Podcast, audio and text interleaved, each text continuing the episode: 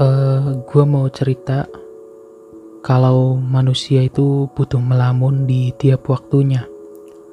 Banyak orang bilang kalau melamun itu banyak hal buruknya. Tapi beberapa hal kreatif muncul dari melamun. Beberapa minggu lalu, gue baru selesai bikin cerpen dan bisa dibaca di medium.com. Lu bisa cari dengan nama Vicky Puja Mantra.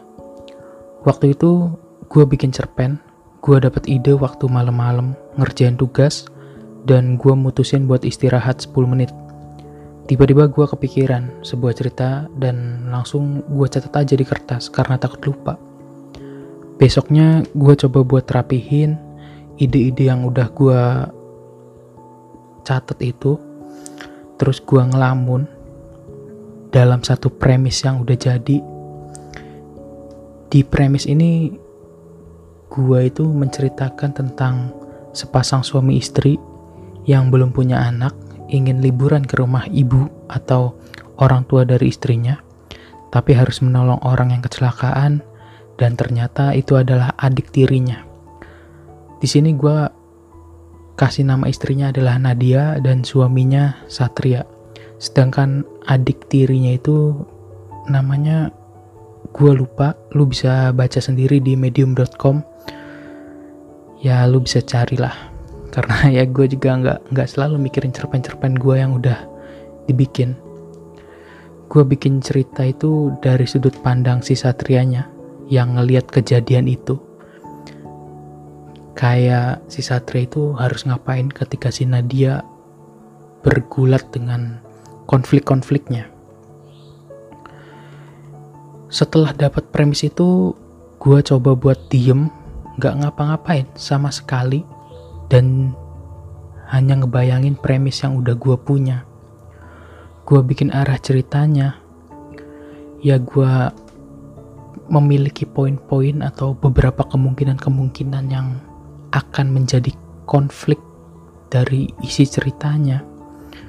Dan gue waktu itu dapet contohnya kayak bapaknya si Nadianya udah meninggal, terus bapaknya dulunya nikah lagi, ibunya nggak pernah cerita dan tiba-tiba ibunya menerima anak tirinya. Waktu kecelakaan ternyata anak tirinya satu tujuan sama Nadia. Nah hal-hal itu yang gue coba ngawang-ngawang di otak gue. Di situ gue mencoba memarinasi ide gue buat dijadiin kesatuan yang rapi. Gue sebenarnya ngelakuin metode seperti ini nggak baru juga. Udah dari SMA, ya mungkin sekitar 3-4 tahunan.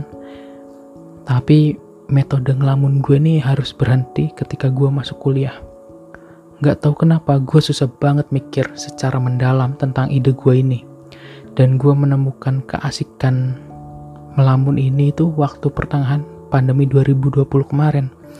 Yang mana gue udah kuliah lah seperti itu.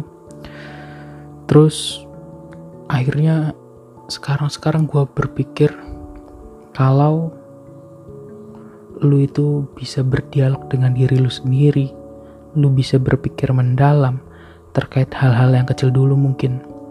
Itu bisa dipraktekin sama orang lain. Untuk apa ya karena gue rasa berdialog internal itu adalah cara yang adil ketika lu mau ngambil keputusan atau mengoreksi kejadian yang lu perbuat gitu. Gak cuma akal yang dilibatkan dalam dialog internal itu, tapi lu juga melibatkan hati lu. Sehingga lu juga gak jadi hakim dari tiap kejadian kejadian yang lu buat itu cuma pakai akal tapi pakai hati juga.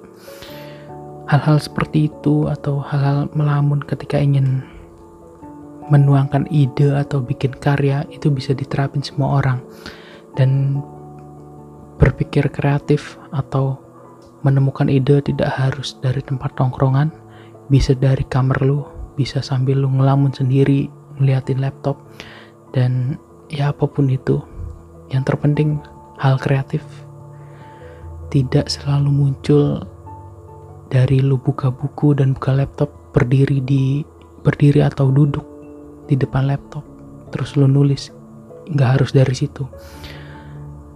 Ide itu ya seperti debu gitu ada di mana-mana dan kalau lu beruntung debunya itu ya bisa banyak. Mungkin itu dari gua. Sekian terima kasih